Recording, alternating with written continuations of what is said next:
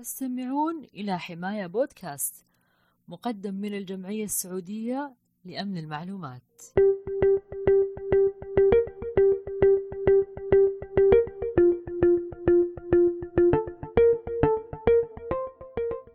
الدكتورة أريج عبد الله الحقيل الأستاذ المساعد في قسم نظم المعلومات كلية علوم الحاسب والمعلومات ووكيلة عمادة التعاملات الإلكترونية والاتصالات بجامعة الملك سعود حصلت على درجة البكالوريوس في الحوسبة وأنظمة ال multimedia من جامعة Leeds Metropolitan ببريطانيا ودرجة الماجستير في إدارة أنظمة المعلومات من جامعة De Montfort Leicester ببريطانيا ودرجة الدكتوراه في أنظمة المعلومات تخصص دقيق أمن المعلومات من جامعة الملك سعود عضو المجموعة السعودية لأمن المعلومات حماية نشرت العديد من الأوراق في مجالات ومؤتمرات عالمية. محكمة في مجالات إدارة أمن المعلومات العنصر البشري في أمن المعلومات إنترنت الأشياء وإدارة التغيير في أمن المعلومات كما شاركت في تحكيم المسابقات وقدمت عدد من المحاضرات والندوات في مجال التوعية بأمن المعلومات. أهلا وسهلا بك دكتورة أريج. هلا حياك الله أختي نوف. هلا وسهلا. مساك الله بالخير. حياك الله وحيا جميع المستمعين. الله يمسيك بالنور. أهلا وسهلا فيك دكتورة. تفضلي المجال مفتوح لك وشكرا لك. في البداية أحب أشكركم في حاميات على استضافتي لطرح هذا الموضوع الحيوي في أمن المعلومات وهو أحد المجالات التي آه، حقيقة يبنى عليها التأسيس السليم لمنظومة أمن المعلومات في أي منظمة. آه، مع التوسع في استخدامنا وربما اعتمادنا على التقنيات المتنوعة واستخدامنا الكلاود والإنترنت وإنترنت الأشياء وغيرها من التقنيات والتي يتعامل ويتفاعل معها الإنسان. هذا أدى إلى إتاحة الفرص لظهور أنواع متجددة وغير منتهية من التهديدات. تحتاج أن إحنا في يعني في المسؤولية عن أمن المعلومات إلى التعامل معها باستمرار من أجل آه، يعني حماية أصول هالمعلومات اللي عندنا. طبيعة تعاملنا واحتكاكنا مع التقنية وكون الإنسان جزء من هذه المنظومة وهالجزء بالتحديد يسهل استهدافه بسبب آه، نقص الوعي لدى الإنسان فتح المجال أمام المخترقين لأمن المعلومات باستهداف الإنسان كأداة للوصول إلى أهدافهم سواء كانت سرقة أو استهداف البيانات أو تعطيل الأنظمة أو الشبكات أو غيرها من الأهداف المختلفة. قد يتساءل المستمع الكريم ماذا نقصد بالعنصر البشري في أمن المعلومات؟ العنصر البشري في أمن المعلومات هو التركيز على البعد البشري في تصميم برامج واستراتيجيات لحماية أمن وأمن المعلومات. في أي منظمة آه، وحتى على مستوانا الشخصي يوجد العديد من المخاطر التي تهدد أمن وسلامة المعلومات. ومن بين التهديدات التي تحول دون الحصول على البيئة الآمنة آه، تبرز تهديدات الناتجة عن بعض سلوك البشر في التعامل مع التقنيات المختلفة. آه، بسبب يعني إما نقص المعلومات أو نقص الوعي أو الجهل بالمخاطر عندما يتعاملون مع هذه الأنظمة. زي ما تعرفين نوف أنه أمن المعلومات يعتمد على ثلاثية متوازنة من العوامل اللي هي اللي تذكرينها ال technology process and people اللي هم التقنيات والإجراءات والبشر. وعشان نحصل على بيئة آمنة المعلومات يتوجب علينا دائما تحقيق التوازن بين العوامل الثلاثة هذه. التركيز على جانب دون الآخر سيخل في النهاية بمنظومة أمن المعلومات في هذه المنظمات. طبعا في أي منظمة سواء كانت مؤسسة صغيرة أم كبيرة حكومية أم خاصة يمكن أن يشكل الموظفين الذين يمتلكون القدرة على الوصول للمعلومات تهديد سواء كانوا بشكل مقصود أو حتى غير مقصود. ومهما كان استثمارنا في التدابير التقنية والمنتجات الأمنية للمحافظة عليه يظل يظل يعني الإنسان نقطة ضعف. فتجاهل هذا العامل البشري يؤدي ربما إلى حدوث خروقات أمنية. آه، نظرا لأن العامل البشري هو من يحدد سلوك الموظفين تجاه المحافظة على أمن المعلومات. يعني أعطيك مثال أنت ممكن تستثمرين في تقنيات أمنية عالية ثم يقع أحد الموظفين ضحية للتصيد فيتم اختراق المنظمة من خلاله. طبعا لسنوات كان العنصر البشري يحصل على التركيز الأقل من اهتمام المسؤولين عن منظومة أمن المعلومات. حتى بدأت الدراسات والإحصائيات المختلفة تظهر الأثر السلبي الذي تركه إهمال هذا العنصر الأساسي من خسائر فادحة للمنظمات. طبعا هذه الخسائر تراوحت من خسارة ساعات عمل أو حتى سمعة وصلت حتى خسائر مالية عالية. أوضحت العديد من الدراسات أنه من الممكن أن تكون التهديدات لأمن المعلومات نابعة من الموظفين أنفسهم. في تقرير اللي تقرير شركة برايس ووتر هاوس كوبرز حق عام 2019 أظهر أنه نسبة 44% من شركات كبرى التي تم استطلاعها عانت من خروقات أمنية ذات صلة بموظفين لديها. ونتجت 80% من الخروقات الأمنية عن خطأ بشري غير مقصود بينما 10% كانت مقصودة وكانت مقصودة لغرض الانتقام من المنظمة. إذا يجب أن نؤمن كمسؤولين عن أمن المعلومات أن العوامل البشرية مثل المعرفة المهارات الشخصية سيكون لها تأثير كبير على سلوك الموظفين عند التعامل مع المعلومات ومع التقنية. بالإضافة إلى ذلك أن البعد الإنساني لأمن المعلومات ما نقدر نحله بشكل مرضي عن طريق تدابير وفنية وإجرائية فقط. والجدير بالذكر اللي دائما نذكره ودائما نقوله أن العامل البشري هو الحلقة الأضعف في سلسلة أمن المعلومات. The weakest link. آه، فإحنا أيضا أصبح من الضروري أن نستوعب وشو سقف التوقعات المنشودة من الموظفين بشأن المساعدة في المحافظة على أمن المعلومات ويجب أن نفهم إيش العوامل الكامنة وراء سلوكياتهم. فهذا الموضوع يطرقنا إيش التحديات اللي نواجهها؟ لماذا يشكل العنصر البشري تحديا في منظومة أمن المعلومات؟ التهديد الداخلي المتعلق بالموظفين يعد واحد من أكبر التحديات المهددة لأمن المعلومات التي تواجهها المنظمات. يمكن حتى يكون من أصعب التحديات من ناحية إجراءات الحماية له. ليش؟ لأن الإنسان له فطرة وطبيعة تختلف حسب البيئة اللي تحطها فيها. هو ليس كالآلة التي تعمل على نفس النمط باستمرار وردة فعلها دائما ثابتة ومعروفة. لا الإنسان شيء آخر مختلف تماما وأول تحدي يواجهك لما تتعامل مع الإنسان أنك لا تستطيع الجزم بكيف وسوف يتصرف. يعني حتى لو كررت نفس الموقف تصرفه قد يختلف. يعني نفس الموقف أنت حطيته في نفس الإنسان طبعا لأنه معارفه اختلفت الوضع اختلف البيئة اللي كانت موجود فيها اختلف. فحتى الإنسان نفسه لو كررت عليه نفس الموقف ربما سيختلف التصرف الذي سي... اللي سيصدر منه. وبكذا يكون التحدي المتعلق بهم يكمن في تقبلنا إحنا كمسؤولين أمن المعلومات إن هؤلاء الأفراد لهم هويات شخصية واجتماعية متنوعة. على سبيل المثال في توجهات ومعتقدات ورؤى خاصة لكل منهم يجب أن نؤمن بهذا الشيء. وستكون هذه المعتقدات ملازمة لهم حتى أثناء العمل. أضيف إلى ذلك الهوية الخاصة بالعمل اللي هي زي يسمونها organization culture اللي تتشكل عادة وبناء على دور كل واحد في داخل المنظمة. آه، طبعا وأضيف لها أنه افتقاد الموظفين للمهارات والمعارف والمعلومات اللازمة والمطلوبة وأيضا عدم تحليهم بالالتزام بالتعليمات. يعني ممكن تكون عندك أنت أعطيتيهم المهارات وعطيتيهم معلومات لكن الموظفين ما عندهم الالتزام بالمعلوم بالتعليمات هذه. فهذه كلها ممكن تشكل تهديد خطير للمنظمات. في دراسة أجراها تومسون مع مجموعة واقتصيت منها يعني هذه الجمل مثل يقول أن الموظفين المدربين جيدا الذين لديهم حس يقظ يمكن أن يشكلوا الرابط الأقوى في البنية الأساسية الخاصة بأمن المنظمات.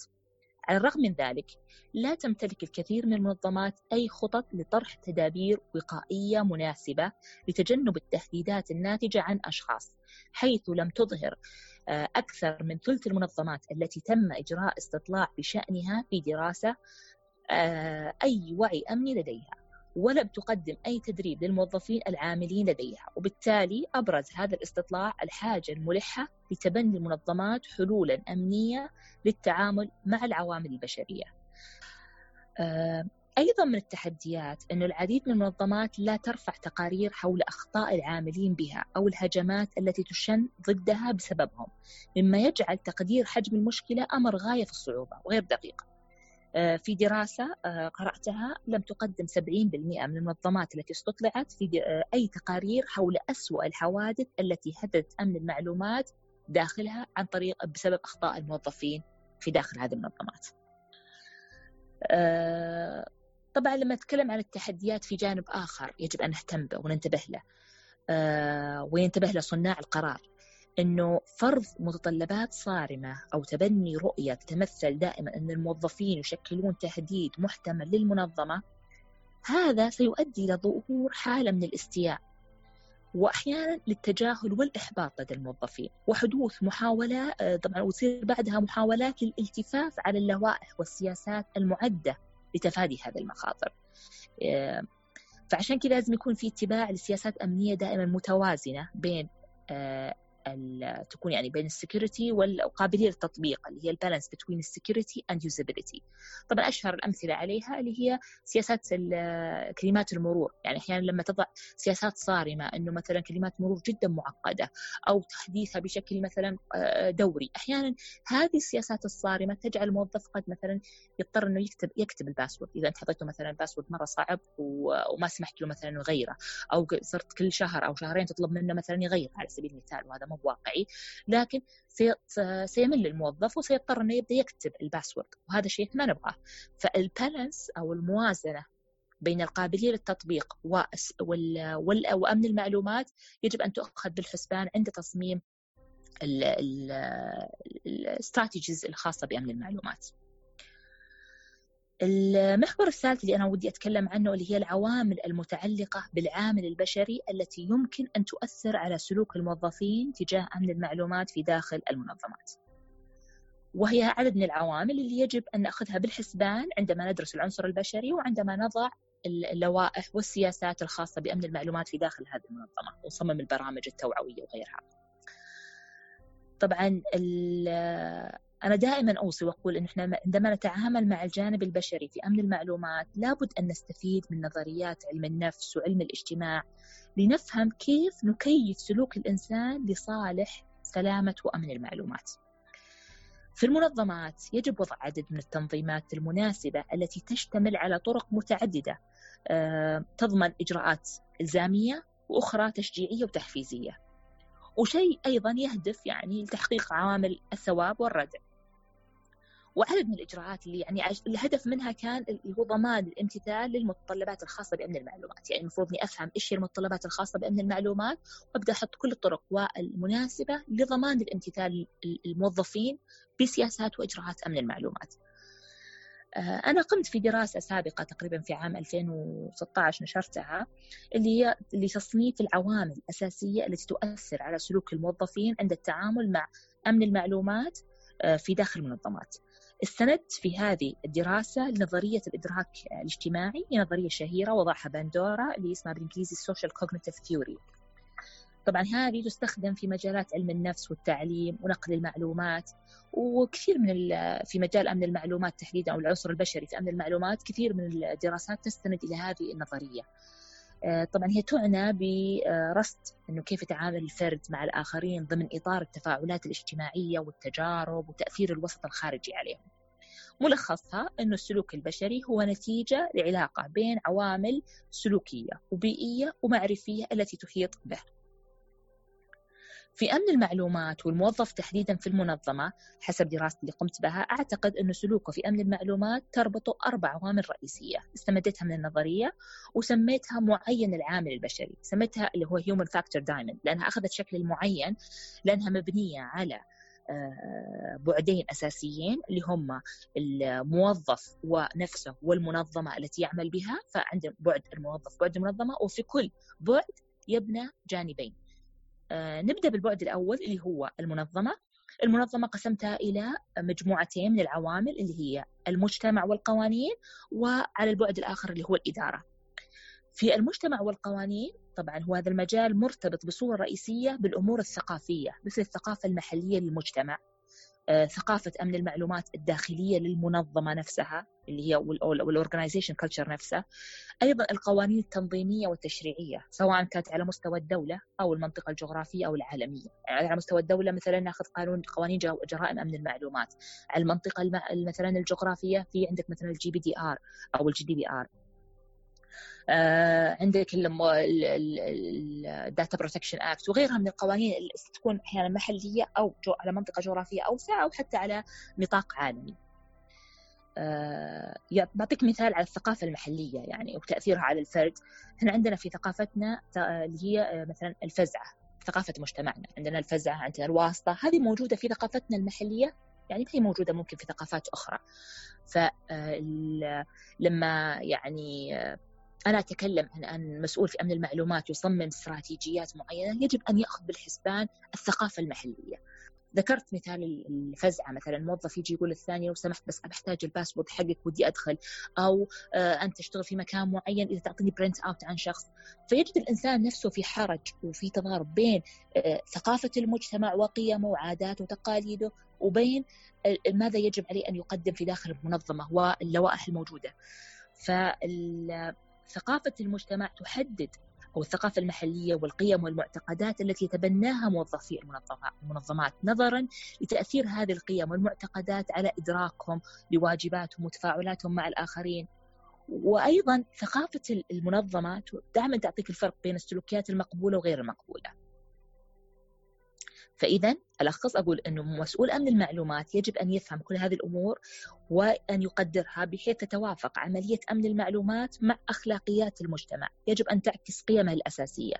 فيجب وضع الثقافة المحلية غير القابلة للتغيير في الحسبان عندما نضع اللوائح وعندما نضع سياسات وإرشادات الخاصة بأمن المعلومات. طب تسأليني تقول يعني كيف مثلا؟ هل أسمح بها ولا لا؟ أقول لا. بالعكس مثلا أنا أفهم أن هذا الشيء موجود في ثقافتنا المحلية أعطي مثلا رسائل موجهة اضيف عليها أركز فيها في رسائل موجهة وفي سياساتي وفي في مثلا برامجي التوعوية لأني أنا فاهمة أن هذا الشيء موجود في ثقافتنا إحنا المحليه. ينبغي توعية الموظفين بجميع التشريعات الحكومية والقانونية المعنية بأمن المعلومات يجب أن يفهمون ما هي اللوائح ما هي العقوبات التي ممكن أن تقع فيها يقع فيها الموظف أو تقع فيها المنظمة بسبب تصرفات الأفراد نفسهم المجال الثاني في المنظمة اللي هو مجال الإدارة طبعا هو مجال جدا مهم ويرتبط بصورة رئيسية بالأمور ذات الصلة بممارسات الإدارة العليا وممارسات الإدارة بشكل عام. نتكلم فيها عن السياسات الممارسات الاستراتيجيز البوليسيز التوجهات الخاصة بالأمن وجوانب التفاعل.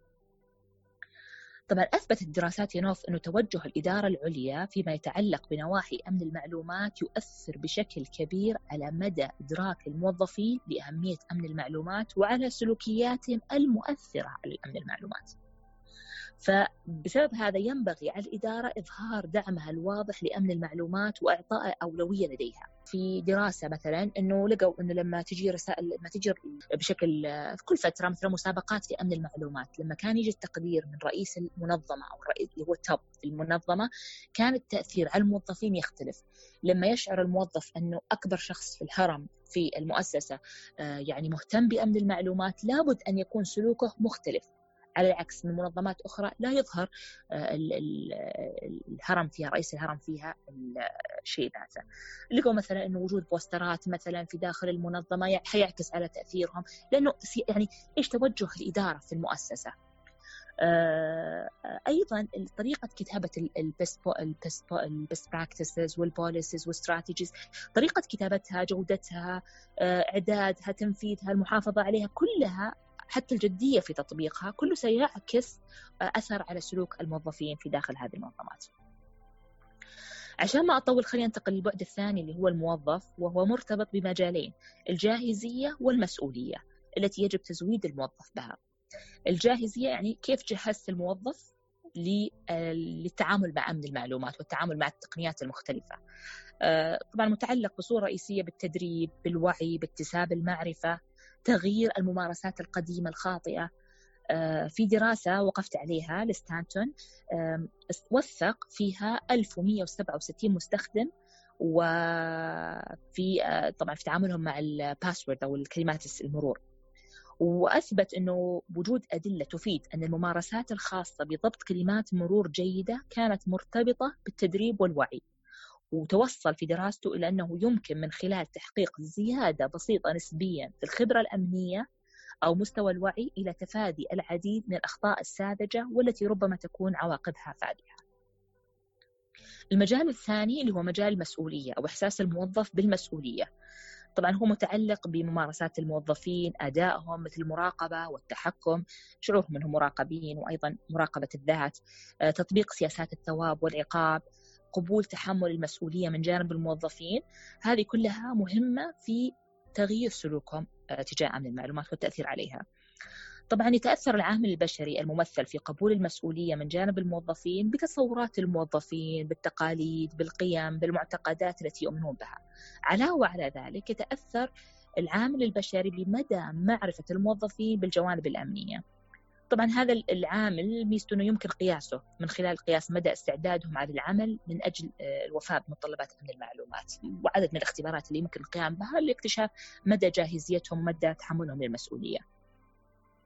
فبناء عليه في منظومة أمن المعلومات يجب العناية والاهتمام بالجانب البشري من خلال عدد من الممارسات التنظيمات التي ستؤمن يعني مستوى من الوعي المتكامل على مستوى المنظمة لتقنين وتقليل الخطر القادم من الجانب البشري على أمن المعلومات.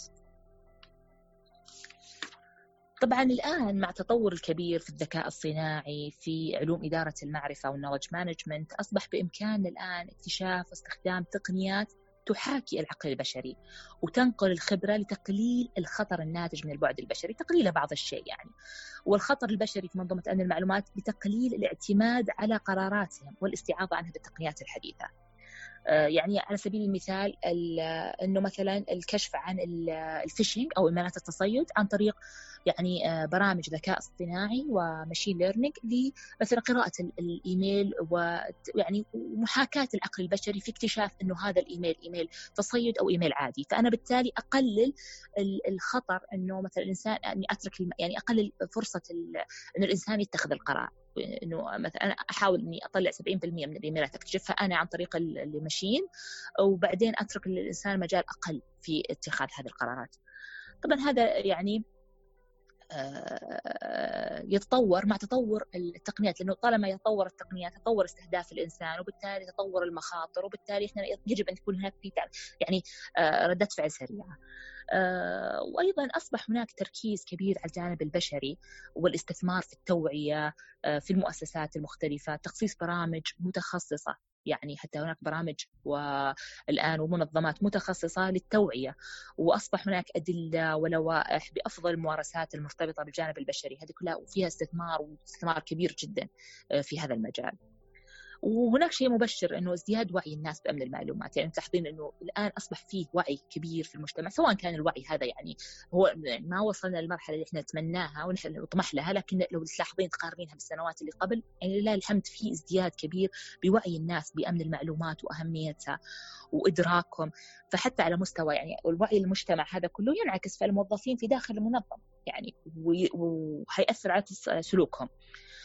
آه، طبعا لا نخفي جهود الحكومة العظيمة صراحة والمعايير العالية التي وضعتها في مجال حماية أمن المعلومات. أصبحنا في مصاف الدول والله الحمد في مجال أمن المعلومات وهذا سيترك أثر إيجابي في ارتفاع مستوى الوعي الأمني لدى الأفراد وبالتالي سلوكهم وتصرفاتهم. زي ما قلت لك إنه أحد العوامل دائما هي المجتمع. لابد ما يأثر على والمنظمات واللوائح والتشريعات تنعكس على سلوك الأفراد.